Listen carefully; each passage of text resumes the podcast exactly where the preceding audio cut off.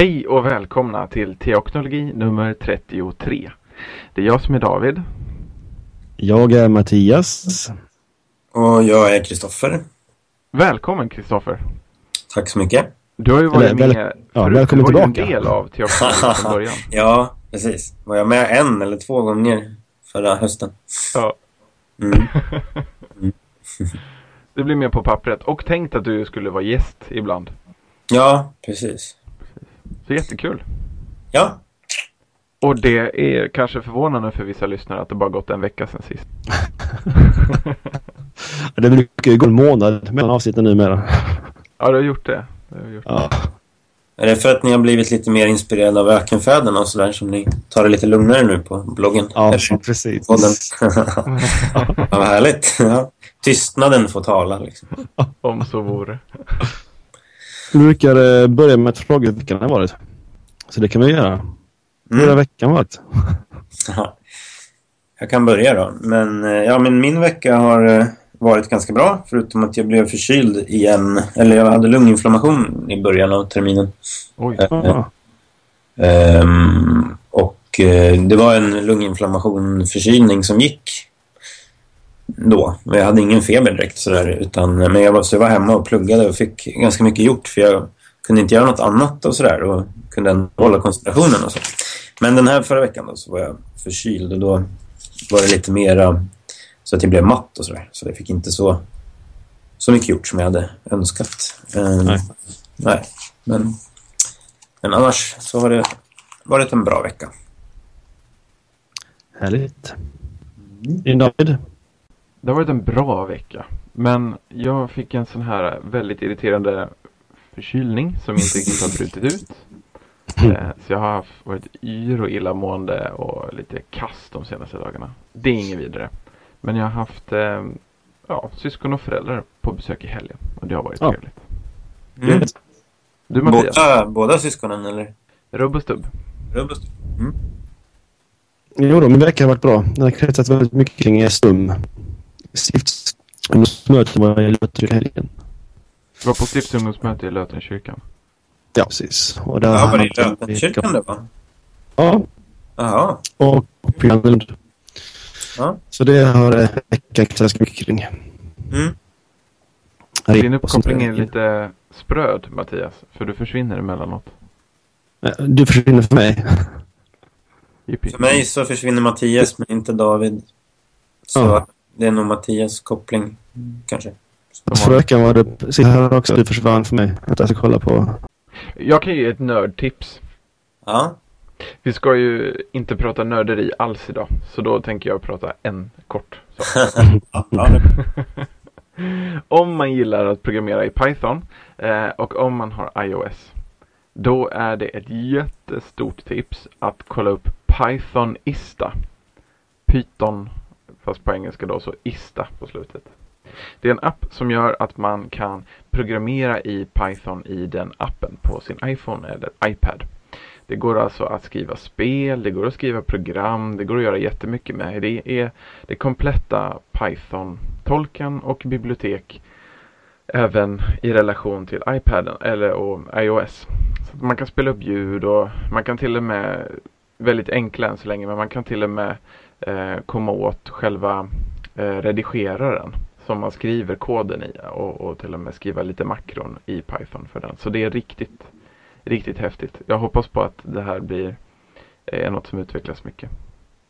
Är du ointresserad av det här så är det bra för dig för nu tänker jag sluta prata om det. Hur var Stum då? Det var jätte, jättekul. Ja. Eh, I och med att jag eh, var en del av lovsångsbandet eh, eh, bandet så var jag liksom inte med så mycket på något annat än eh, Nej. Det. Sådär, så jag, men eh, våra ungdomar som var med, de var väldigt nöjda. Ja. Så där Var det mycket folk där då? Ungefär 200 var med. Mm. Så där, um, det blev jättebra gudstjänster. Ja. Ja, vad kul. Ja, ja, det var jättekul. Så fick jag utmana mig själv ganska mycket musikaliskt, får man säga. Eller sångmässigt i alla fall. Det Ja, var kul. Fick tio riktigt mycket på ett par låtar. Det var roligt. Mm. Sådär, ett par Hillsong-låtar som krävde att man eh, ja, skrek i stort sett. Det var kul. Okej, okej. growla kanske? Nej, nej, nej. Nej, det känns inte så Hillsong. Hillsong. Nej, inte så. Men eh, något åt det hållet kan man väl säga. Okej, Mer, mer åt det hållet än Carola. Okej, fast hon kommer ganska nära det i vissa... Jag har hört den här... äh, mm, det finns ju vissa klipp på Youtube som Filip och Fredrik har, har med Carola när hon har varit på Livets Horn och sådär. Så ja, då, då kommer hon ganska nära det faktiskt. ja okej, men... Men normalt, normalt kanske. Ja, okej. Ja. Då kanske man kan säga att jag har inkarnerat eh, den gamla Carola då. Livets Ord-Carola. Nej, precis. Ja. Den är som mest inspirerad helt enkelt. Ja. Så det var kul. Vad vill du prata om, Kristoffer? Jag var ju på den där, alltså lite om vetenskap och religion tänkte jag då. Ehm, och jag, jag, jag berättade ju att jag skulle på en sl- slags konferens, man ska säga, som Newman-institutet hade för en månad sedan ungefär, om vetenskap och religion. Ehm, det var tre föredrag, så det var på en eftermiddag liksom. Eh, och eh, ett föredrag hade ett sånt väldigt roligt namn tycker jag. Det, var, det blev liksom akademiskt in absurdum på något sätt eh, lite. och då hette det eh, rubriken var How God Acts och sen var undertiteln From the Clayton Peacock Panentheistic Analogy to the Categorial Notion of Adjunction. och det, det är nästan som om någon ska parodiera liksom en Mm. rubrik så kan man välja den. Men, eh, men hur som helst så var ju då temat hur, hur man ska förstå hur Gud handlar i världen. Och eh, det här The Clayton Peacock, eh, det är två författare, Philip Clayton och Arthur Peacock. Och eh, Arthur Peacock var präst i anglikanska kyrkan och eh, från början kemist så han, han var doktor i kemi och sen sadlade han om och läste teologi och doktorerade i teologi då. Han fick båda från Oxford någon slags first class eh, omnämnande för båda sina doktorstitlar. Så han är Mm. den enda som har det i både, båda de här ämnena. Om det var bo, som har det i både naturvetenskap och teologi eller om det var just i, i biokemi och teologi. Jag kommer inte ihåg. Men i alla fall, de, de har eh, formulerat, han och Clayton eh, har formulerat ett synsätt på hur Gud handlar i världen som man eh, utifrån en analogi med hur de tänker sig att eh, en helhet i världen kan utöva kausal kraft på sina delar. Eh, och det kallas för emergensteori. Eh, när man tänker sig att en helhet är mer än summan av sina delar och kan utöva en form av kausal kraft på sina delar. Och, så. och det mest kända, eller liksom det mest påtagliga exemplet är hur medvetandet som är beroende av hjärnan eh, uppkommer på grund av hjärnan på något sätt men ändå då tänks kunna påverka hjärnan på något sätt. Mm. Ehm, och då tänker de sig att Gud är relaterad till världen som på ett liknande sätt så att Gud kan påverka delarna på ett liknande sätt. Och det intressanta med det där då är att Gud kan, eller medvetandet för den delen, kan påverka sina beståndsdelar utan att bryta mot naturlagarna. Ehm, Mm. så. Så det är inte den här interventionsmodellen att, Mm. utan det är någon form av lite mer harmonisk förståelse. Mm. Men eh, så det pratade han om. Och sen så sa han att det här är väl... Han berättade om det och sen sa han att men jag tycker att det finns problem med det här så därför ska jag prata om det här nu.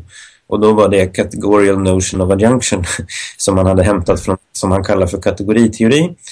Eh, och jag, han förklarar inte det. Jag har ingen aning om vad han menade. Och jag hade en kompis där som är eh, magister, han läste till magisternivå i filosofi. Han har aldrig hört talas om begreppet kategoriteori förut. Så, här. så att det var inte hjälpsamt. Liksom. Men, eh, men eh, i alla fall så ville han ju komma med någon, något annat eh, istället. Då. Men eh, det förstod inte jag vad han menade. Så att, eh, det var inte så mycket att säga om det. De andra två föredragen handlade om matematik eh, och religion. Och det två personer som som har läst mycket matematik och filosofi. Den ena har doktorerat i matematik och sen har, har han doktorerat i filosofi. Den andra har läst mycket matematik och har doktorerat i filosofi. Um, och det var ganska intressant. Men uh, samtidigt så är det ju, om man ska prata om vetenskap och religion så är ju matematiken ganska safe, ett ganska safe ämne att välja. Eller att prata om. För det, det går nästan inte att tänka sig att det skulle kunna finnas någon konflikt mellan matematik och religion. För matematik är ju väldigt eh, abstrakt och eh, kommer ju inte med några anspråk som överhuvudtaget skulle kunna stå i konflikt i alla fall med en kristen religion eller tro. Så att eh, det var väl eh, det var intressant men eh, inte vad jag eh, är mest intresserad av. Så. Mm. Så. Men ja. Om, men annars om ni inte har några frågor om det så kan jag nämna det jag tänkte att vi skulle kunna prata lite om. Mm. Mm. Och jag läser ju psykologi nu och i utvecklingspsykologi så finns det en tänkare som heter Piaget som eh, pratar om hur vårat förståel, vår kognitiva förståelse utvecklas. Eh, och då har han tre begrepp där som är lite intressanta. Det ena är han pratar om att vi har ett kognitivt schema som på något sätt då är en mental karta för någonting i verkligheten. Eh, och när man föds så har man hans, det han menar med kognitiva scheman för den, en person som föds, det är mera handlingsimpulser eller att man har någon slags, eh, man vet att man ska söka sig till mammans bröst och sådär. Liksom, man får mat om man suger, så att säga. Det är ungefär så. Men sen så blir det mer eh, komplext ju äldre vi blir och sen så kan vi ha olika typer av föreställningar som är mentala kartor över verkligheten. Och de där förändras då. och eh, då pratar vi om två olika varianter hur det här kan förändras. Om vi tar till exempel att vi har en, en, ett kognitivt schema för svampar så kan vi ju fylla på det här schemat med olika svampsorter ju längre vi, ju fler svampar vi möter och sådär. Men sen kanske det kan tänkas att vi möter någon form av um, erfarenhet eh, kanske inte när det gäller just svampar men när det gäller något annat som till exempel fåglar. Om vi har en definition på fåglar som är att de kan flyga och så vet, får vi plötsligt reda på att pingviner är också fåglar men de kan inte flyga. Då måste vi göra om vårt kognitiva schema eh, på olika sätt. Och det kallas, det första då när, man, när liksom det kognitiva nya erfarenheten införlivas i det kognitiva schemat kallar han för assimilation. Men ibland möter vi erfarenhet som gör att vi måste skriva om vår karta och det kallar han för ackommodation. Och då förändras vår förståelse. Um, och jag har tänkt på det där i relation till vetenskap och eh, religion. För att jag menar att eh, om vi tar ett exempel på assimilation så är det ju ganska vanligt bland vissa amerikanska evangelikaler att de säger att eh, släktträden i Gamla Testamentet har vi kvar David förresten? Ja, ja, ja. ja. eh, de är jag lyssnar bara. Ja, ja de, de är um, ofullständiga. Um, och det är därför det inte har gått så lång tid till Adam, enligt deras perspektiv. Då. Så de, man kan säga att de har ett kognitivt schema som är, ska man säga, att Bibeln sträcker sig från eh, den första människan och sen så är det liksom en kronologisk ordning fast hopp i olika avseenden. Men, eh, men man behöver inte så att säga förändra sin förståelse av Bibelns tidsperspektiv. Um, utan det finns liksom, vi har den första människan omnämnd, sen har vi Kain och så har vi några som tycker det andra och sen kommer något, ett hopp och sen kommer nästa. Så. Men en ackommodationsvariant av det skulle vara att liksom säga att nej, men, eh, Bibeln eh, har nog inte liksom en, en förteckning som börjar från början och sen, sen går hela vägen till till eh, ja, Jesus till exempel. Um, utan eh, ja, det är på ett annat sätt. Så. Men de, de säger så ganska mycket eftersom att de har, tänker jag mig, den här inerrancy-synen att Bibeln är sann då i allt vad den påstår. Eh, alltså i alla typer av frågor helt enkelt. Ehm, och många som jag, man snackar med så att säga, är ju på ett principiellt plan säger man väldigt gärna att vetenskap och religion har ingen konflikt och sådär. Eh, men jag tror att vissa saker som vetenskapen säger innebär att vi inte bara kan förhålla oss på det här assimilationssättet utan att vi också måste göra en form av ackommodation, det vill säga vi måste förändra vissa perspektiv. Eh, en sak som jag funderat kanske framför allt på är om vi nu accepterar evolutionen så um, menar jag då att det är um, så att människan inte har liksom levt i ett fullkomligt tillstånd. Um, utan vi har, vi har vår natur med dess drifter åt olika håll. Uh, som människan, eh, Richard Swinburne skriver någonstans att human nature has always been a conflicted nature. Så. Och um, mycket av den teologi som jag växte upp med handlade ju om att man såg syndafallet som ett väldigt radikalt brott i både människans historia och i också naturens historia. Mm. Så att eh, det blir en form av... Den, och då, då, blir det också, då blir det också begripligt varför Gud riktar ett sånt oerhört stort ansvarskrav mot människan. Därför människan har haft en fullkomlig utgångspunkt och sen vänt sig därifrån. Um, och det är den augustinska liksom, förståelsen som jag förstår den. Men jag har ju läst mycket mer kyrkohistoria än vad jag har gjort. Men som, så mycket tror jag i alla fall att jag har förstått av det hela. Men medan Irenaeus till exempel, då, en annan tidigare kyrkofader, eh, tänkte sig att eh, mm, vi har inte levt i en fullkomlig tillvaro utan vi har, vi har levt i en ofullkomlig tillvaro och vi ska växa genom de val vi gör i den här tillvaron. Eh, och det blir också olika syn på grundrelationen till Gud eftersom för Irenaeus så blir det han är behöver... det verkligen Irenaeus? Ja. Det är inte Origenes? Nej. Okej. Okay. Eh, det är inte Origenes. Eh, eh, John Hick har ju skrivit, om ni känner till honom, religionsfilosofen, har ju mm. skrivit en bok som, het, som handlar just om, om det här. Som heter An Irenaean Theodicy. Eh, han utgår från Irenaeus då. Men eh, ja, för Irenaeus så blir det ju då så att ehm, hans teodicé blir mer formulerad som sådan att Gud också har ett ansvar på ett sätt att ehm, Ehm, om man tar livet efter detta är i den augustinska varianten i, i, i första i, i huvudsak den plats där människan får stå till svars. Medan det för Irenaeus blir lite annorlunda, att det blir i viss mån Gud får kompensera för människors oförskyllda lidande, för en del människor har haft för mycket av det i det här livet. Då.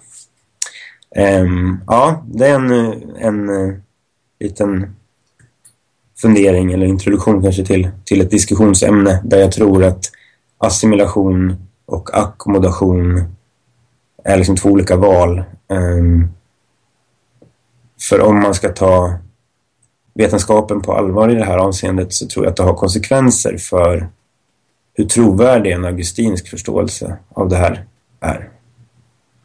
Helt enkelt. Ja.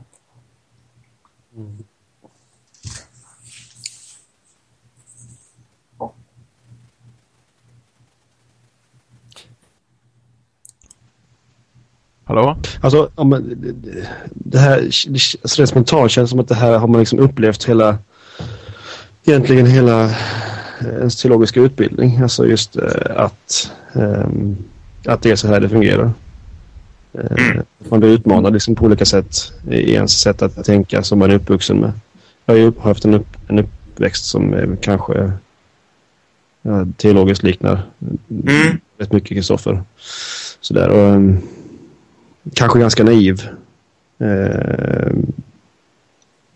tilltro till, till inte bara Bibeln utan även eh, den historiska kyrkans, alltså hur lärorna har eh, kommit till. Varför eh, vissa läror finns och varför vissa inte finns. Till exempel då i relation till Irenaeus som ju blev eh, förklarad kättare Ja, men, nej, nej, det blev han inte. Origenes blev det. Nej, Origenes, visst ja. Jag blandade ut Men det, visst var det Origenes vi pratade om? nej, det var, det var Irenaeus. Ja, jag, jag skojar bara. Jaha. Eh, nej, men tills, alltså, jag menar, eh, Origenes är ju en som blev kätta förklarad. Det finns ganska många. Eh, ja, precis. Eh, för, precis. Jag tror jag för sig läste någon... Um, påven, den nuvarande påven brukar hänvisa till Origenes ibland. Han har liksom fått en annan ställning i katolska kyrkan nu än man hade mm. förut. Mm. Det minns jag också att jag läste om just. Att det är lite dubbelt när det gäller Origenes. Mm. Är det ni som hör, hör ni också ett eko från mig? Nej. Okej, då är det bara jag. Ja, och det gäller ju även liksom, till exempel en sån som Evagrius som eh, jag har läst eh, ganska mycket och han är en, en av ökenfäderna. Den liksom, den, en av de verkligen riktigt stora. Han är ju också köttet förklarad. Jaha. Liksom, så. Men just det. och, och det han sa det ligger ju till grund för liksom, i stort sett hela självmordstraditionen i, i västkyrkan. Ja. Ja, jo, det, det var en liten fine line där känns det Ja, Nej men det här är ju intressant det du lyfter Kristoffer. mm. Jag måste läsa det i när jag skriver om det. För att få en tydlig egen uppfattning. Mm. Men det ställer ju till med problem. För att jag tänker också så att man måste ju ta det på allvar. Liksom med eh, Den bästa förklaringsmodellen vi har till hur världen har skapats är ju genom evolution. Liksom. Mm. Det är ju inte så att, att, att det egentligen är vetenskapligt just nu en stor fråga huruvida evolution har skett eller inte. Nej. Inte vetenskapligt sett. nej. Nej. Nej, men precis. Så därför så måste vi ju på något vis då hantera det. Mm. En variant på det som jag har hört det är ju när man säger att eh, någonstans långt tillbaka ur tiden så Mm. har ju någon av våra förfäder fått eh, eh, ett samvete. Mm. Och någonstans där har man också då gjort sin första synd. Ja. Men så tänker ju till exempel Swinburne också. Eh, och, och så tänker nog jag också. Men det är bara det att det brottet blir inte så radikalt. ehm, så som det är i den augustinska förståelsen. Eh, utan du... du eh, det, på ett sätt skulle man kunna säga att det som händer när den första människan syndar är att den, alltså då om vi då tänker oss att den personen har fått ett moraliskt medvetande. Då är det ju tillkommit någonting som inte fanns där förut. Ehm, jag säger inte då att synden är ett framsteg, men möjligheten att göra det är ju det, så att säga. Mm. Och, men, men det var inte riktigt det som var min poäng kanske, men utan min poäng är, ibland brukar jag tänka, vad händer om vi skulle lägga ut liksom, barn i skogen eh, utan mammor eller pappor, men på något sätt så skulle de kunna överleva. Liksom, så. Och så blir våran reaktion när vi träffar dem tio år senare, men hallå, har ni, gjort, har ni syndat? Det var ju, och så blir vi typ så här jätteupprörda. Det, det håller faktiskt inte riktigt. Eh, vi, kanske, vi kan ju vi kan ju tycka att det är sorgligt i någon, någon bemärkelse. Alla synder är sorgliga, liksom, men de är inte så förvånande. Liksom. Mm. De, eh, så. Dä- Däremot är det ju, de ju väldigt förvånande ur ett augustinskt perspektiv. Eh, eh, Men har inte det här att göra med att vi har ett, ett um, atomistiskt sätt att se på vad synd är? Alltså att, att synd är um, enskilda handlingar framför allt. mm, Eh, alltså att synd är ju ett varande. Det är ju det är ett tillstånd mer än en handling, Ja. tänker jag. Alltså handlingen är ju en konsekvens av synden, inte tvärt, tvärtom. Alltså vi är syndare, därför syndar vi. mm. Men, Inte tvärtom. nej, nej, men precis. Det kan jag hålla med om. Men jag tänker mig att ehm, eh, den, den så att säga, om man med, med synd menar till exempel ett tillstånd av inte fullständig förening med Gud till exempel. Mm så är ju det en av, tänker jag mig, poängerna med den augustinska förståelsen att där levde människan i en fullkomlig gemenskap med Gud och med varandra. Um, medans det synsättet som blir det evolutionära uh, synsättet att, är ju att människan har en gryende medvetenhet, en gryende självmedvetenhet och, och på något sätt då möjligtvis en gryende liksom, gudsmedvetenhet genom um, det um, man förstår om tillvaron. Så uh, så den, den är ju fortfarande väldigt, precis som jag tänker mig att ett barn har, en gryende, liksom, Mm. växande medvetenhet om, om, uh, ja, om sina föräldrar och om omvärlden och sådär. Så Men jag brukar tänka ibland för att rent formellt så är liksom, det är väldigt många som som, som så att säga köper detta att vi behöver vi, vi ska ta vetenskapen på allvar och sådär. Inte, inte ta, det är ingen konflikt och så. Eh, men jag tror att, jag, ja, och det här är en konsekvens där jag menar att vi inte, eller så, att vi inte riktigt har kanske, det får inte bara bli läpparnas bekännelse om, om ni förstår. Nej. Eh, som barnet som du beskriver också, att relationen till Gud på många sätt var mer förtroendefull i så fall längre tillbaka. Utifrån den mera, inte med nödvändighet sämre förhållningssättet som barnet har. Mm. Eh, men mer, men efterhand som vår förmåga växte fram och efterhand som, som vår första förfader, förmoder fick samvete. Mm. Så hände något liksom. Ja. de handlingar som tidigare, före det, eh, var mer uttryck för instinkter och, och, och så vidare. Eh, blir nu liksom föremål för våra medvetna val på ett annat sätt. Ja. Jo, precis. Ehm, Så jag, jag bara tänkte att man kan nästan, på ett sätt kan man kanske löskoppla gudsrelationen. För den måste ju inte ha varit sämre förr. Bara av annan karaktär. Eller? Ja. Um, jag tänker väl kanske att uh, if, om man säger så här, jag tänker mig att uh, vi kan man kan ju ha någon form av, alla kanske har en relation till Gud så att säga. Men, uh, men alla vet inte om det. Vi kan ju ha, vi tänker ju oss att vi har någon form av, om när vi ber och sådär, att vi har en medveten relation till Gud. Eh, och den vet jag inte hur medveten den eventuellt var då förr. Eller när vi pratade riktigt tidigt. Så att säga.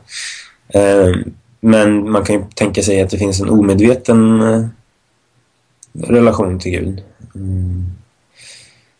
Och den behöver ju inte varit sämre, eh, tänker jag. Nej, nej. Jag tänker också att det har lite att göra med progressionen av uppenbarelsen. Mm. Ett vanligt tema i kristen teologi är just också att tänka att det är skillnad.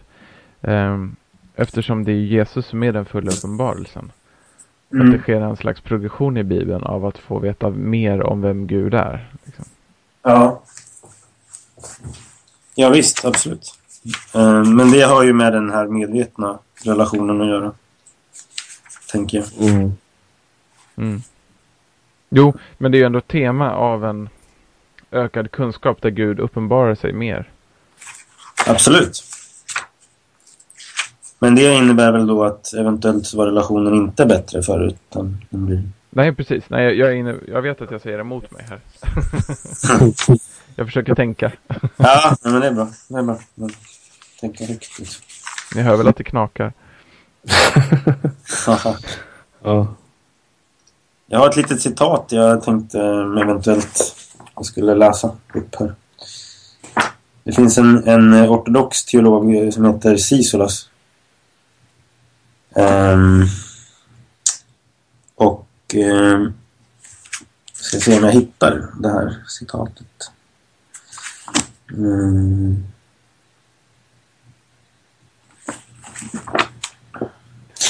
Det har ju att göra med att en del teologi har så att säga flyttat fokus ganska mycket från från ehm, människans ursprung som idealtillståndet så att säga till, till människans mål. Alltså, man har flyttat fokus från dåtid till framtid så att säga. Men ska jag läsa citatet? Så. ja, kör. Mm.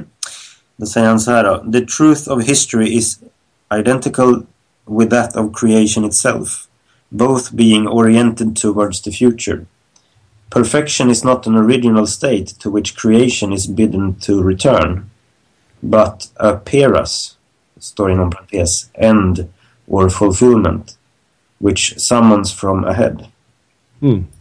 History och sen så kommer en kommentar där som inte han men som någon annan skriver. History derives its meaning therefore from the end towards which and from which it is moving. From which i den bemärkelsen att det kommer från Gud och är på väg mot Gud. Men inte, in, men inte att, eh, så att säga, skapelsen var fullkomlig. Utan, Det ska bli. precis. Mm. Det går ju bra ihop med hela den tanken som också finns när det gäller synen på apokalyps och slut på världen och sådär som, som är ganska vanlig. Synen på regeneration. Mm. Att den här nya, nya himlar och ny jord är inte nya i bemärkelsen att Gud tar den gamla och kastar den i papperskorgen utan nya Ja. himlar och ny jord är ett återupprättande av den här jorden. Mm. Eh, och man tänker ju då framförallt stöd utifrån att Jesus återuppstod i sin kropp. Mm. Den som sitter på Guds högra sida är en människa. Mm. Liksom. Och att då även jorden ska Ja, regenereras. Liksom. precis. Jag, jag, känner ni till eh, den här um, boken, vad ska vi se, Smak av himmel, doft av jord, tror jag den heter. En, en katolsk teolog som heter Ola Körholm som har skrivit. Nej. Nej.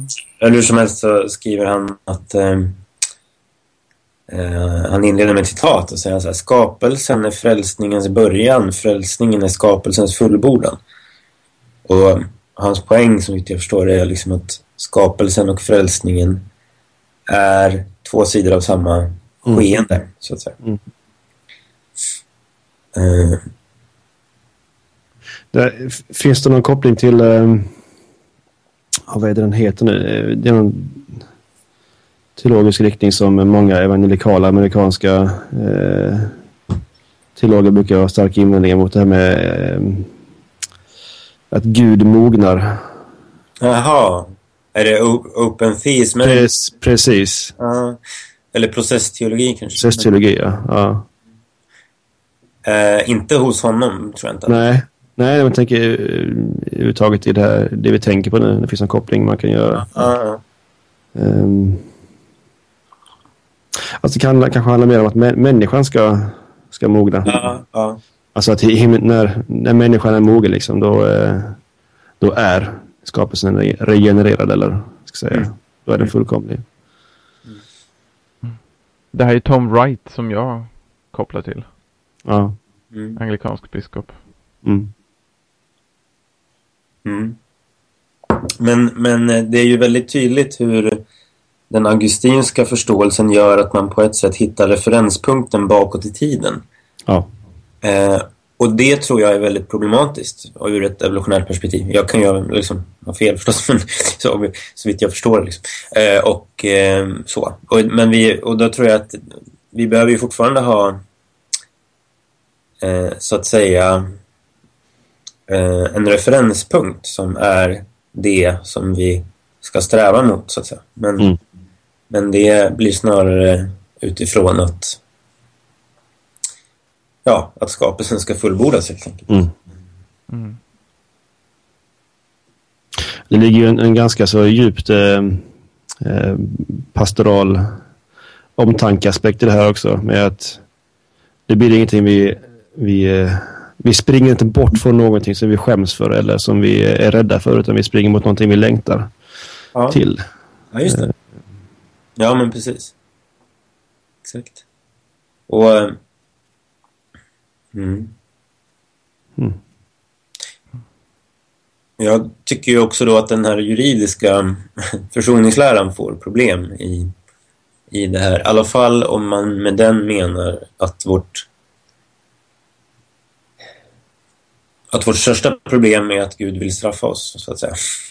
Ehm, vårt största problem kan vara synden, att vi är skilda från Gud. Och Gud har tagit ett initiativ för att eh, råda bot på det.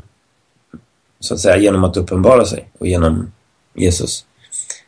Men det blir ju mer för att han vill överbrygga det avståndet då, tänker jag.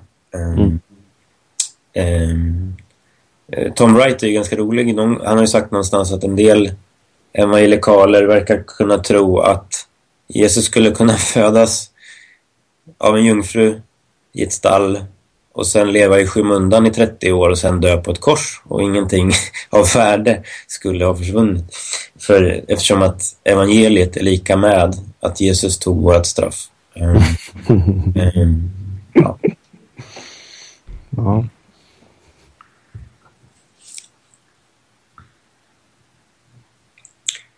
Ja.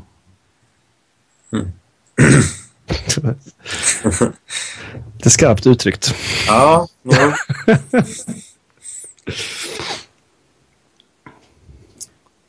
Men, men för min del så det, alltså det blev ju så när jag började plugga att det blev en ganska intensiv brottning för mig med hur jag skulle få ihop.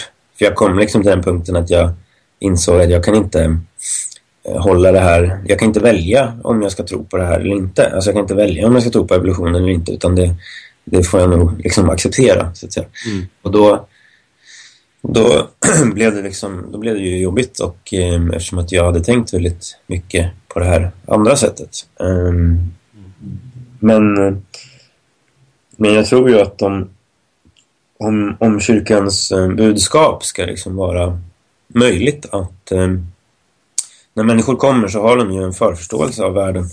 Och den, den har de på goda grunder i vissa fall. Som till exempel när den är vetenskapligt underbyggd. Eh, och då, då, eh, ja, då håller det inte tror jag att, eh, att inte relatera vårt budskap till hur världen troligtvis är. Liksom.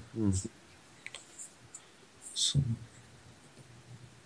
Ja, det blir intressant när man börjar prata försoningslära för det är som det utmanar man eh, på något sätt eh, den moderna kyrkans, eller hela kyrkans grundvalar på något sätt. Det som vi eh, bygger, åtminstone i luthersk teologi, oerhört mycket av vårt, eh, vår fromhetstradition på. Mm. Precis. Och frå- Men frå- frågan är ju om det behöver innebära några problem. Och det, Mm. spontant så känns det som, inte som att det borde göra det. Ehm, Vilket då? nej, men att, att vi utmanar till exempel eh, en modell av försoningen. Ja, just det. Det finns ju ganska många i, i, Ja, men precis. i Bibeln, ty, typ 11-12 stycken eller något sånt där. Eh, som försoningen beskrivs på. Mm. Mm. Och de är ju, det är ju bara sätt att förklara ett skeende. Eh, utifrån den tidens eh, sätt att se på världen. Mm. Och vad de präglade av samma tänkande som präglade Augustinus senare så är det väl inte konstigt att, att det finns klara kopplingar däremellan. Mm. Ibland funderar jag också på, för jag, jag har inte läst mycket egentligen om försoningsteologi och sådär, men ibland tänker jag om det som Luther var väldigt mån om var ju att försoningen är en gåva, tänker jag. Ehm, och det får han liksom bäst ihop med den juridiska. För då blir det så himla, det blir så, här, så, det blir så himla o, opersonligt på ett sätt. Alltså det har ingenting att göra med vem du är eller liksom så, eller vad du säger eller någonting. Liksom, utan det blir, juridik är liksom väldigt opersonligt. Och då tänker jag att man kanske skulle kunna bibehålla den här äh, väldigt starka betoningen av att det är en gåva, men inte nödvändigtvis ha hela domstolskontexten, så att säga, för den här gåvan. Liksom. Om gåvan är Guds eget liv på ett sätt. um, alltså, som det står på något ställe i, i eller det står i Petrusbrevet att man ska, ni ska bli delaktiga Mm. av gudomlig natur. Så.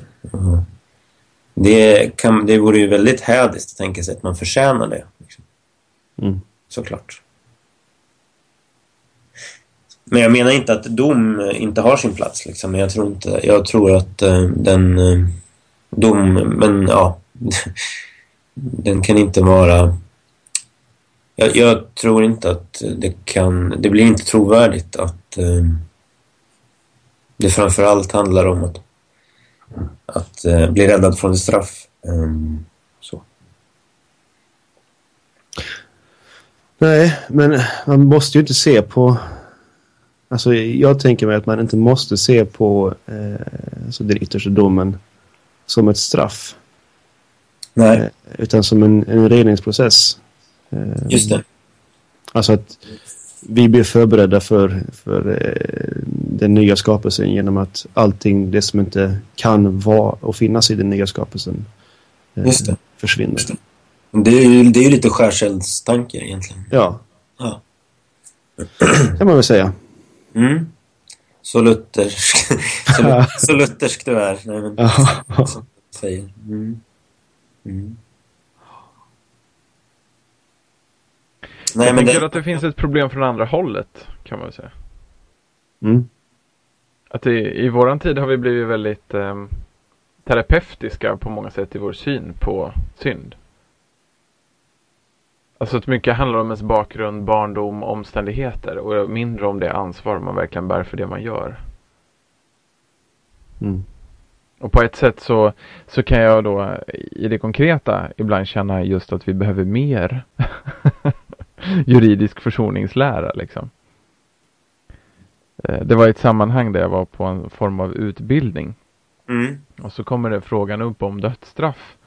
mm, Och så är det då några som uttrycker att de tycker att man skulle ha det för om man då har dödat någon annan så har man förrättat, eh, förverkat rätten till sitt eget liv. mm. Och jag och någon annan tycker att så är det inte. För vi har inte rätten att bestämma över liv. Mm, Det är Gud som har det. Vi har inte rätten att bestämma när någon annans liv ska ta slut. Inte heller den som har dödat någon annan. I Mm. så fall så sänker vi oss till samma nivå. mm, Men jag upplever idag att man i hög grad likställer en person med dess gärningar. Mm. ja, det är sant. Alltså man är sina gärningar. Det är därför Ja, man säger att man ja. skäms inte för vad man har gjort. För om man skäms för det man har gjort, då skulle man skämmas för den man är. Ja, just det. Just det. Ja. Alltså din existens är samma sak som vad du gör. Ja, ja precis. ja. Det är väl det är väl Sartre säger förut. Att man är det man gör. Mm. Det, det mm, tror, jag, tror jag du har rätt i. Att, mm, Men det är egentligen inget argument emot vad du säger, utan det bara understryker behovet av att kategorierna behöver finnas. mm. Mm. Mm. Ja, verkligen. Ja, men precis. Jag undrar ibland om... Eh, när kyrkan inte vill prata om synd överhuvudtaget så, att säga, så, så blir det ibland, eh, uppfattar jag, just för att då tror de att man kan inte säga men Gud älskar dig. men det ena utesluter ju inte det andra. Liksom. Utan det är ju precis, precis som du säger, om vi eh, om vi bara är det vi gör, då blir det ju väldigt hotande för oss eh, på ett existentiellt plan om vi har gjort fel. Eh, Medan det inte behöver vara det på samma sätt tror jag om eh, eh, om man vet att man ändå är älskad av Gud fast man har syndat så att säga. Mm. Och det vet man ju i regel. Ja. Man kanske inte har kategorierna klara för sig. Det, men är det inte det som eh, Adam och Eva inte vet, så att säga? I, eh, I skapelseberättelsen så skäms de ju, för, eller så, de gömmer sig för Gud för att de har syndat. Mm. Mm.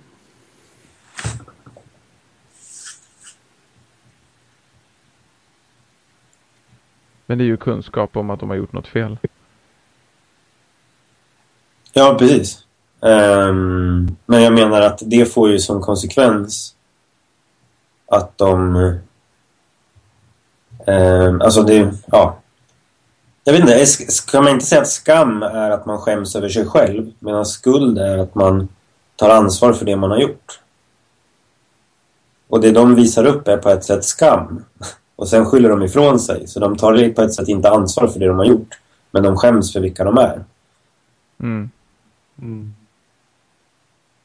Ehm, och ibland så kan jag uppleva att när Svenska kyrkan eller liksom, ja, men när man vill hävda liksom att själva syndabegreppet är fel så är det på något sätt för att man, man vill att folk ska förstå att Gud älskar dem. Men ja. Men det kanske inte leder till det egentligen utan det leder bara till att man inte riktigt eh, jag tänker mig en person som upplever sig vara älskad är antagligen mer eh, benägen eller mer öppen för att också se på sina egna mm, brister. Så att säga. Mm. Mm.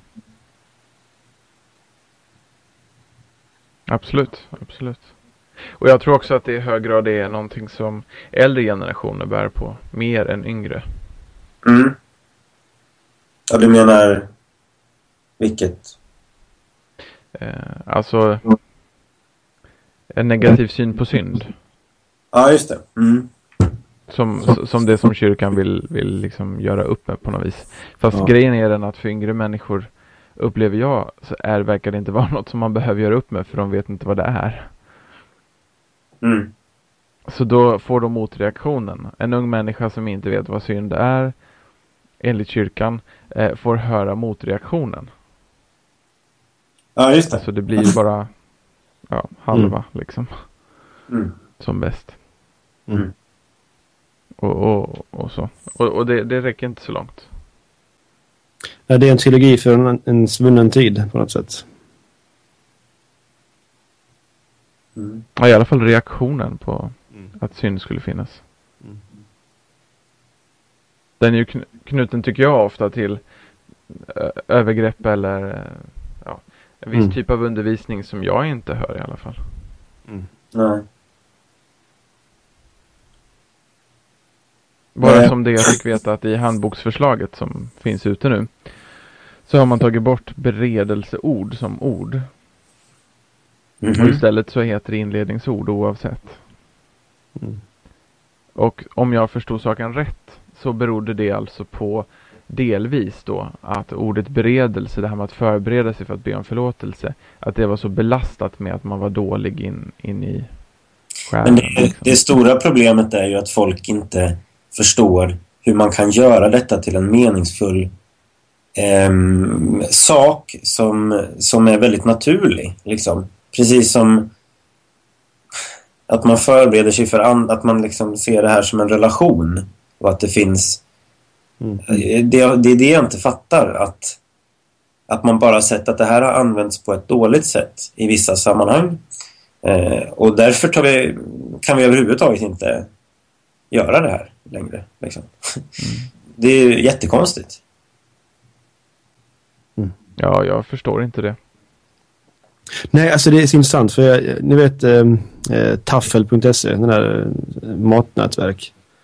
Gittos mat. Vet du vad Gittos mat är för någonting? Nej, i alla fall. Jag, min fru är väldigt matintresserad så att jag ser matbloggar i Safari eh, med jämna mellanrum. Och jag följer hon som ligger bakom Gittos mat på Twitter. Mm. Och hon tror inte på Gud. Men hon älskar högmässan. Okej. Ehm, just på grund av, precis på grund av det vi pratar om nu. Alltså ehm, med beredelsen och um, uh, ja, syn, syndaförlåtelsen och så vidare. Mm. Utan att ha en medveten gudsrelation. Mm. Det är intressant. Vi hade en eh, kommenterad veckomässa för en vecka sedan. I, på ett ledarläger. Där vi diskuterade igenom de olika momenten tillsammans. I samband med att vi gjorde dem. Och när vi då pratade just om eh, beredelseord, om syndabekännelse, om förlåtelseord, tackbön, om musiken som kommer efter. Så var det just sånt som kom fram där att att eh, det var skönt att få be om förlåtelse tidigt i gudstjänsten. För då kan man lämna ifrån sig det som man har gjort fel och sen kan man fundera vidare på andra saker som har sagts i beredelseordet som, som man kommer att tänka på av olika skäl väldigt odramatiskt, väldigt enkelt liksom. Mm. Det var ju ingen syn på att eh, man är usel eller något sånt där liksom. Mm. Så det är klart det går att kommunicera sånt. Ja. Mm. Det är en av mina käpphästar. Ja, men det är väl en... en märk, det är en utmaning att... För det verkar ju som att det är lite av en tendens i Svenska kyrkans officiella skikt. Att eh, man inte kan göra det. Det Eller? är nog lite både och där Det beror på vad man vad man menar med officiella skikt. Mm. Helt klart. Ja, just det. Ja. Det är ju inte som att synd är borttaget ur handboken liksom. Nej. I förslaget alltså. Jo, ett ställe i, i nya dopbönen har de väl gjort någon, någon eh, filur va? Det, ehm, eh, hur sjutton är det de har formulerat det? Ja, nu har jag inte tittat. Jag har det på, ligger på skrivbordet på jobbet. han- Det handboksförslaget. Men eh, den här... Ja, de har i alla fall tagit bort någonting med synd i dopbönen. Där vi skriver hans namn i Livets bok. Eh, någonstans. Jo, befrielsebönen är ju omskriven. Men jag minns inte hur. Men poängen är ju att jag menar syndabekännelse finns ju kvar. Ja. Det finns ju nyskrivna Mm. syndabekännelser Mm. också. Det är ju inte som att synd är ett, är ett ord som inte får finnas längre. Nej. Just det. Nej, men ja. Kai Pollak har ju påverkat en del såklart. Men han hör väl till den generationen också som Ja, har neurotiskt förhållande till synd liksom. Man får ju också komma ihåg att det till viss del är en motreaktion. Mm. Mot Ja, något, ja, ja. Mot, alltså mot ett problem. Liksom. Som inte Men- finns längre. Vad sa du? Som ja, egentligen som inte finns längre. i, i våra sammanhang i alla fall. Mm. Nej. Men som finns i andra. Nej, men hur många svenskkyrkliga församlingar överbetonar synden på ett fördömande sätt? inte, så, inte så många. Nej. Nej, men precis. Men man kan ju möta ibland ehm, ehm, lite Kai Pollak-inspirerade präster. Eh, det kan man ju göra, faktiskt. Mm. Det behöver ju inte betyda att det är hela Svenska kyrkan, så att säga. Mm. Nej. Nej. Men eh, den här, läste ni eh, den här recensionen av eh, Ulla Karlssons bok i... Ja, eller jag, jag åtminstone ögnat den. Mm, just det. Det var Sigurdsson va? Ja, precis. precis. Mm. Den var Men- väldigt vänlig. Vad sa du? Den var väldigt vänlig. Ja, det var den ju. Det var den ju. Men han var ju ändå kritisk. Så.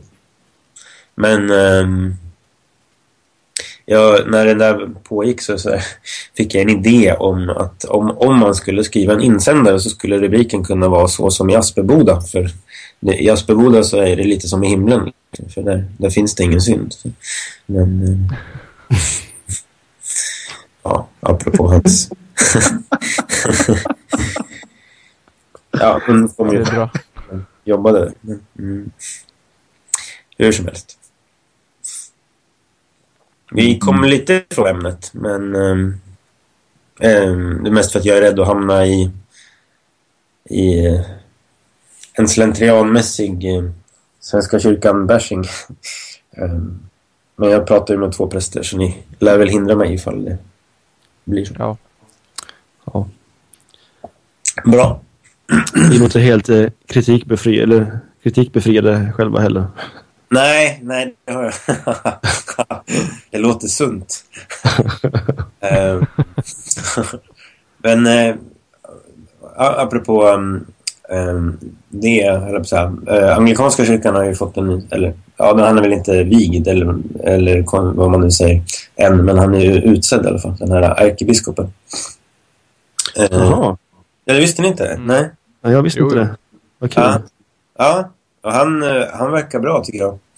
Men då slår det mig att anglikanska kyrkan har ju en mångfald som Svenska kyrkan inte riktigt har. Alltså där finns det vitala rörelser där man inte håller med varandra. Men de här rörelserna får vara vitala och de får finnas. Ehm, och det måste förändras i Svenska kyrkan. Det Mm. kan inte vara så att man från officiellt håll vill ha eh, att alla som lever, alltså alla organisationer inom Svenska kyrkan som man uppmuntrar, alla initiativ och sånt, att de, alla de ska, ska vara liksom helt eh, korrekta enligt en viss eh, mall. Ehm, så. Och då tänker jag på, för ett av hans uttalanden, eller först kan jag bara säga en intressant sak med honom var ju att han jobbade i, i oljebranschen i 11 år. Han gick på Eton, den här eh, överklassskolan, eh, grundskolan. Och sen gick han i Oxford och läste in, ingenjör tror jag. Och sen jobbade han inom oljebranschen i 11 år och så upplevde han att Gud kallade honom att bli präst. Så han slutade med det, ett väldigt välbetalt jobb. Och så läste han till präst um, och doktorerade i teologi. Um, ehm, och hans frågeställning var uh, Kan företag synda? var hans frågeställning. Um, och han svarade på det då, att de kan göra det. Och sen har han suttit i regeringens kommission, etikkommission för banker nu. Um, och sen, han tillhör då den evangelikala traditionen i anglikanska kyrkan. Och den är ju mycket mer vidsynt än den amerikanska evangelikala. Sen är ju den amerikanska också bred, men det finns ju väldigt stor skillnad, tycker jag, mellan anglikanska evangelikaler och eh, liksom eh, stereotypa amerikanska, den stereotypa amerikanska varianten. Ehm, men jag tycker det är lite coolt att en blir en ärkebiskop som har doktorerat på ett ämne och sitter i den här etikkommissionen. För det är ju så i finanskrisens spår att det är ett väldigt liksom, liksom så aktuell frågeställning för samhället.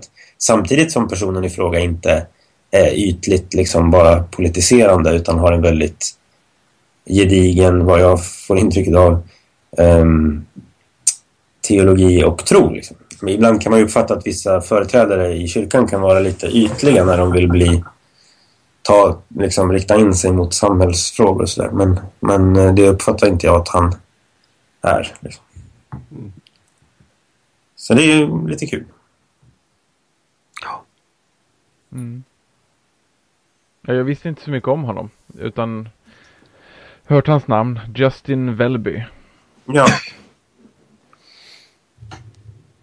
Precis. Mm. Men du har inget mer intryck, eh, David, eller? Nej. Så jag kan egentligen inte säga så mycket mer än att det du sa var intressant. Ja. Han har ju, jag tror att han, om han kom till tro genom Holy Trinity Brompton eller om han, han har i alla fall haft mycket kontakt med dem. Mm. Sådär. Spännande. Det är de mm. som gjort Alfa. Ja, precis. Jag brukade gå lite till en av de kyrkorna i London när jag bodde där som hörde till eh, Holy Trinity Brompton. Mm -hmm. Ja. En av de mindre som de hade tagit över kan man säga. Eh, som var en högkyrklig församling men med sviktande besökare så att säga. Men då hade de mm. tagit över den men behållit den högkyrkliga eh, liturgin och sådär i den. Och Nicky Gamble brukade gå dit. Den, så han var där liksom, på söndagarna. Han var inte i Holy Trinity, Holy Trinity.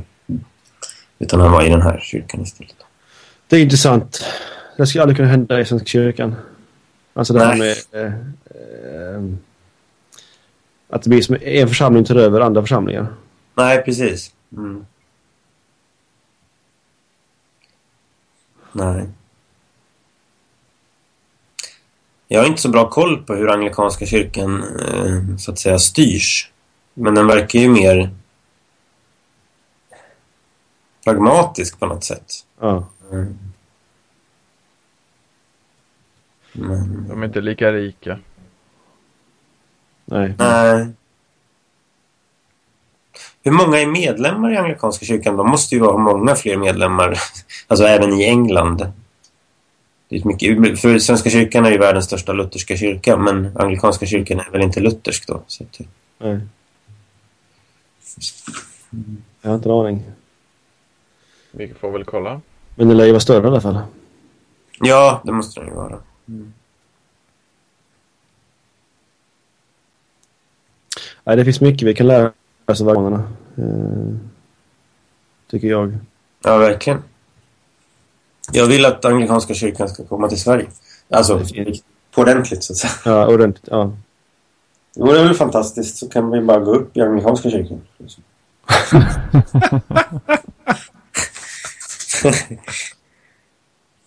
ja. Mm.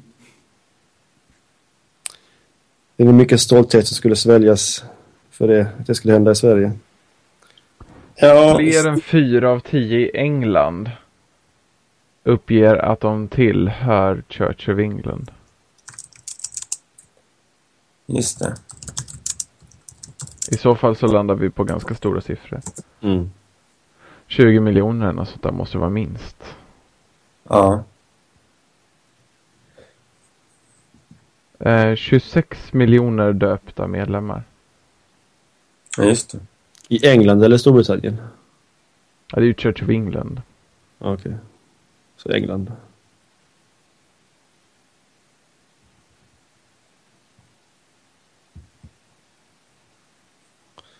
Mm. Men det här med att de, eh, att de har icke-territoriella församlingar i eh, Anglikanska kyrkan, det tycker jag är häftigt. Att det tillåts. Mm. Mm. Det kan vi ju ha i Sverige också, eh, genom EFS. Eh, Just det. Just. Men det blir inte samma sak. Nej, fast vi kan göra mycket genom EFS faktiskt. Ja, som de gör. Det kan, det kan vi.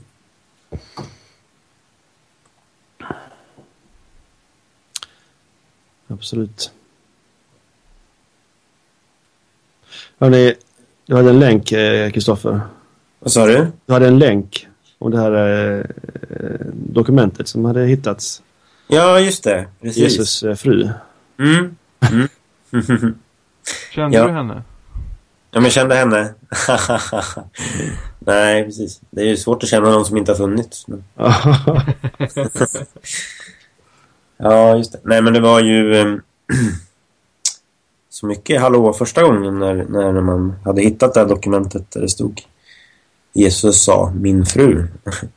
Som väl man trodde var från 300-talet eller sådär. Och ehm, jag vet inte, har ni snackat om det i, i- på podden förut eller? ja, jag tror det. Ja, just det. Behöver inte dra allt det där kanske. Men, men jag tänkte på, jag såg ju en intervju då som var mellan Tord Fornberg som är docent i Nya Testamentet och var inbjuden till Nyhetsmorgon och så var det Olle Karlsson som ju är präst i, han är väl kyrkoherde i, är det, vad är det nu, vilken, Ulrika Eleonora eller kyrka i Stockholm i alla fall. Och det är där helgona kyrkan. Ja, precis. Han höll ju på med det förut och sen har han blivit kyrkoherde i... Men det kanske är i den församlingen som han är kyrkoherde. Ja. Ja, just det. Precis. Ja, nej, men så var han inbjuden, de var inbjudna dit och så... Jag har haft mycket respekt för Olle Karlsson för jag tycker att han eh, har verkat göra ett bra jobb och, och liksom är väldigt genuin och, och väldigt eh, duktig med i sitt arbete och sådär. Och så. Ehm, och det kanske jag inte behöver släppa men, men i, den här, i den här intervjun i varje fall då, så, så var det liksom så tydligt att de här personerna var där för de skulle representera två olika saker. Mm. Olle Karlsson skulle representera en progressiv och öppen attityd och eh, Tord Fornberg skulle ju då representera en konservativ eh, och inskränkt attityd. Och eh, själva sakfrågan hur man liksom ska bedöma det här dokumentet och dess innebörd, det var ju inte så, det var liksom inte intressant egentligen i den här diskussionen. Utan i, i hela diskussionen, det som var intressant var om det här kunde hota katolska kyrkans eh, prästcelibat. Det var, det, var, det var ju det. Och Jenny Strömstedt som hon heter som är programledare som vann På spåret med, sin, med Niklas Strömstedt. Hon skulle då säga, ja det här är Tord Fornberg, du är docent i Nya Testamentets exege, exege, exegetik. Så han kunde, inte ens uttala det ordet. Och eh, det blir så himla... Nej, jag vet inte, jag tycker, jag tycker det är pinsamt. Det är som en person som är skitduktig på ett område är inte där för att han är skitduktig på det området utan han är där för att han är katolik. Mm. Det vill säga konservativ och inskränkt. och sen handlar diskussionen bara... Ja, och det där blir så tröttsamt. Och han, Tord Fornberg är ingen duktig retoriker. Han är ju akademiker liksom i fingerspetsarna och så. Och eh, därför så blir det ju svårt för honom också i den miljön att eh, komma fram. eh, med sin kunskap och så. Men, eh, men det, ja, jag tycker det är irriterande. Jag, jag, jag var tvungen att stänga av. Jag klarade inte att se, se klart det där. Men eh, ja, det, mm, det är som är och Olle Karlsson han sa att det gör ingenting om Jesus hade, var gift, det gör ingenting om han hade en kärleksrelation med Maria Magdalena och vi kan inte veta någonting om Jesus sa han också. Men jag tror det är bra att Jesus blir en snackis.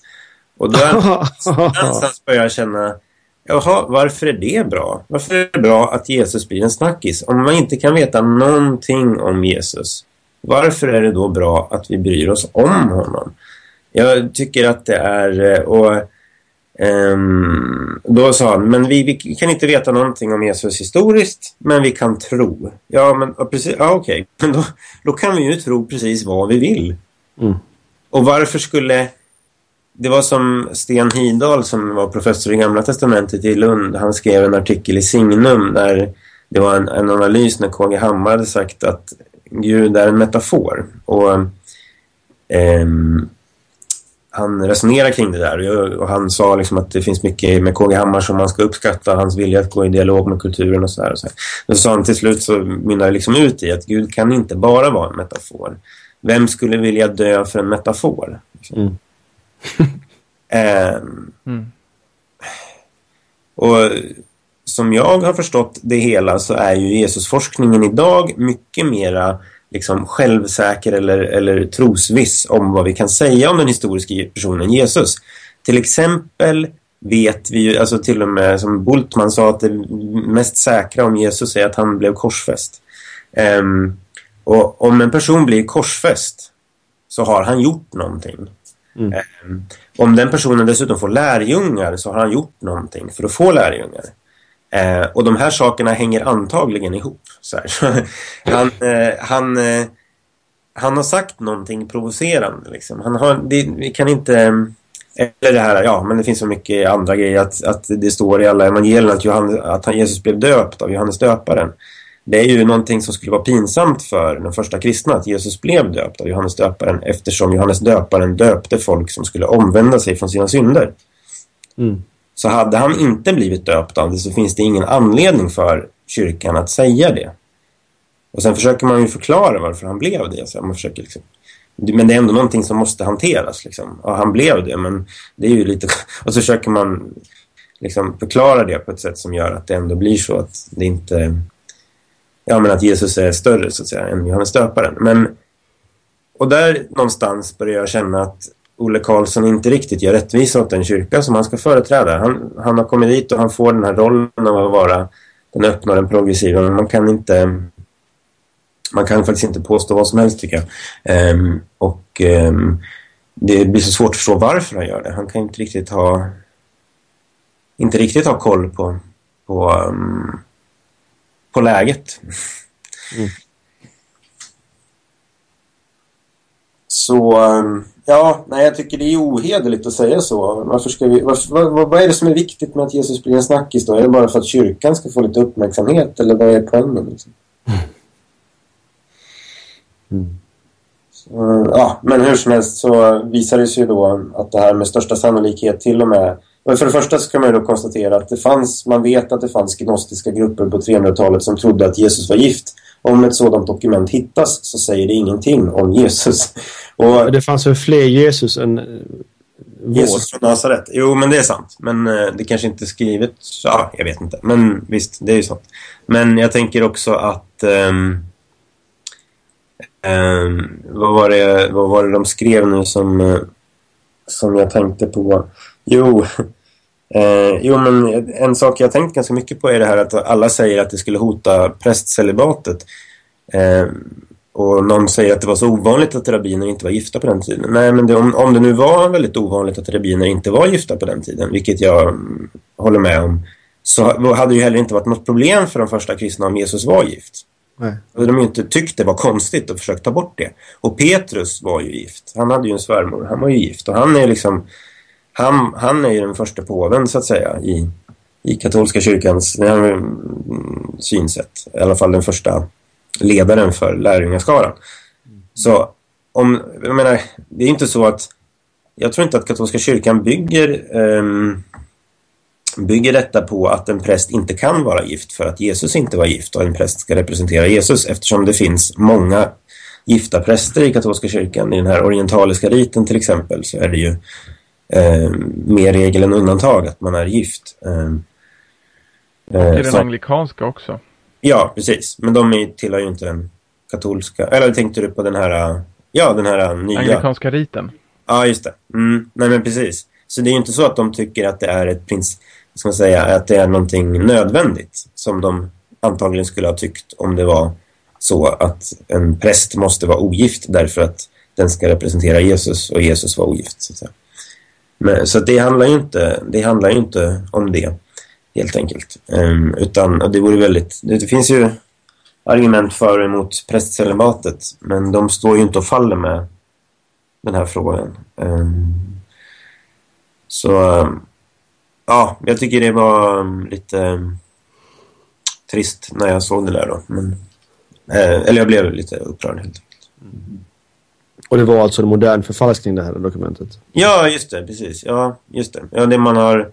Först så mm, var det väl någon som eh, konstaterade att alla ord som finns i det här dokumentet, eller om det var alla fraser hur det var, återfinns i Thomas evangeliet. Men sen har man också sett att det är en speciell eh, skriftfel som finns i den digitala versionen av Thomas evangeliet som finns på nätet. Alltså. Mm. Så det är... Eh, men tydligen ska de undersöka bläcket också. För jag har nämligen hört att det här skrivfelet är inte helt ovanligt i den tidens... Det var en, någon som, som sa det, att det här skrivfelet är inte helt ovanligt. Så att det kan, det kan liksom förekomma även i, mm. i andra texter. Men... Eh, det är inget som hänger på att det är falskt liksom.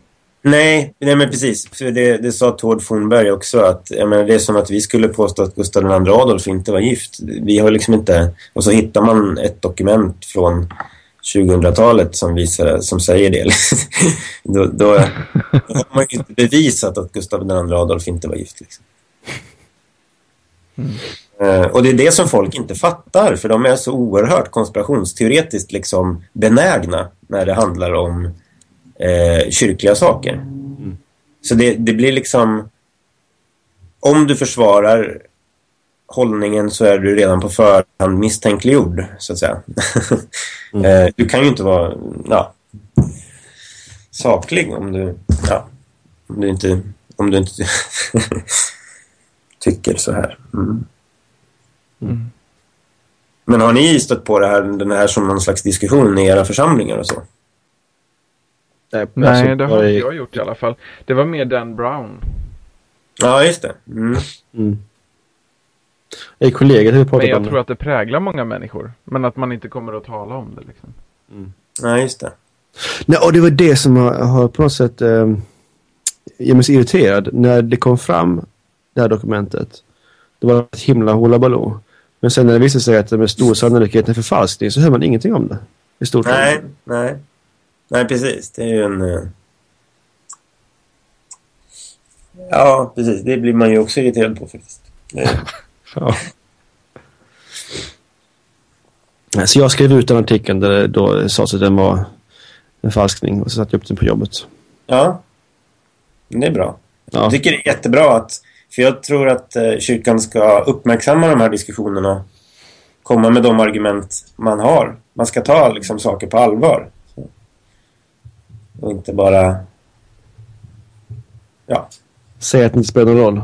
Nej, precis. Liksom så. Är det så att Jesus var gift så får vi ju integrera det i vår förståelse av Jesus. Liksom. Mm. Um... Ja, för mig så... Alltså, men, det gör väl Jesus kanske större på ett sätt. Jag vet hur det är att vara gift. ja, just det. Ja. Jag är rätt tacksam om han inte var det. Det blir så mycket spekulationer om arvtagare och sånt där då. ja. Arvtagare? Ja men alltså ba biologiska barn. Ja. Mm. Men hur menar du att det blir teologiskt problematiskt om Jesus hade barn för att För att vi då skulle få en enorm diskussion huruvida de var gudomliga och så vidare. Jaha. Mm. Okej. Det skulle åtminstone bara vara en inomkyrklig dis diskussion. För det är ingen, ingen, som, inte- ingen som inte tror att Jesus var gudomlig skulle tycka det var en intressant fråga. Nej. Antar jag.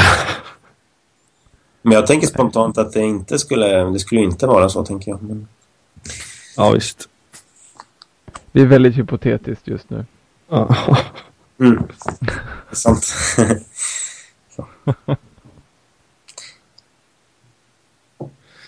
Mm. Ja, Jag det tror att det blir ganska lagom att avrunda nu. Precis. Mm.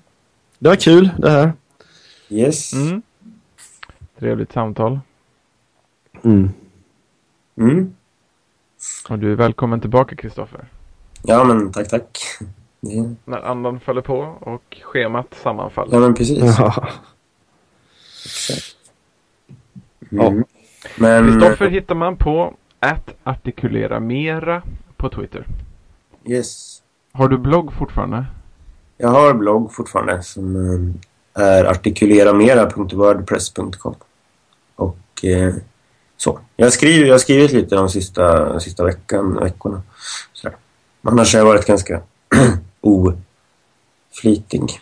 Men eh, jag har skrivit lite nu sista tiden. Mm.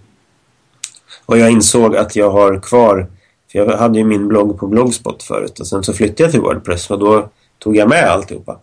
Och så insåg jag att det ligger ju kvar blogginlägg från 2005 och sådär. Och eh, därför tänkte jag att det kanske är dags att faktiskt starta en ny blogg och liksom för man har ju skrivit en del. Jag brukar inte tänka igenom mina blogginlägg jättemycket innan jag skriver dem. Ibland skriver jag bara ner det jag tänker på. Jag är frustrerad över någonting eller sådär. Och då eh, taget ur sitt sammanhang så kan det ju vara lite konstigt kanske ibland. Eh, så då har jag, och då, jag blev påminn om det för att jag såg att jag lägger ut ibland på Facebook en länk då till bloggen eh, när jag skriver något och så såg jag att det är någon som har kom, kollat igenom massa gamla blogginlägg och det enda gemensamma, de måste ha sökt på bloggen för den enda gemensamma nämnaren med de här eh, blogginläggen det är eh, att de har orden feminism eller abort i sig och sådär. Och eh, om man har gjort det urvalet på min blogg så, så kanske man tror att jag är en annan typ av person än vad jag är. och eh, eh, jag är inte Per Ström, om ni vet vem det är. Nej. Alltså Per Ström med Ä, inte med E. Eh, det finns ju en akademiintendent Per Ström som jag har stor respekt för. Men det finns också en annan Per Ström som, som, ehm, som är väldigt känd i genusdiskussioner för att han, han tycker att män diskrimineras. Typ. Mm. Sen kan jag väl hålla med honom i vissa saker. Jag tycker att genusteorier eh, inte alltid är eh, korrekta. Men eh, han, eh, han säger att han vill lyfta fram... Ja, han menar liksom att det grundläggande problemet är att män diskrimineras i samhället. Så, så det måste vi lyfta. Och det håller inte jag med om. Men, ja. Det är i alla fall hans position. Så ni känner inte till honom, eller? Jo, Ja, ja. Mm. Hur som helst, det blev en... eh, Det var, alltså. Teoknologi hittar ni på att teoknologi på Twitter. Och eh, jag heter att Turfjäll, alltså T-H-U-R-F-J-E-L-L på Twitter och app.net. David heter Silverkors på Twitter och app.net. Tack och hej. Tack och hej. tack och hej.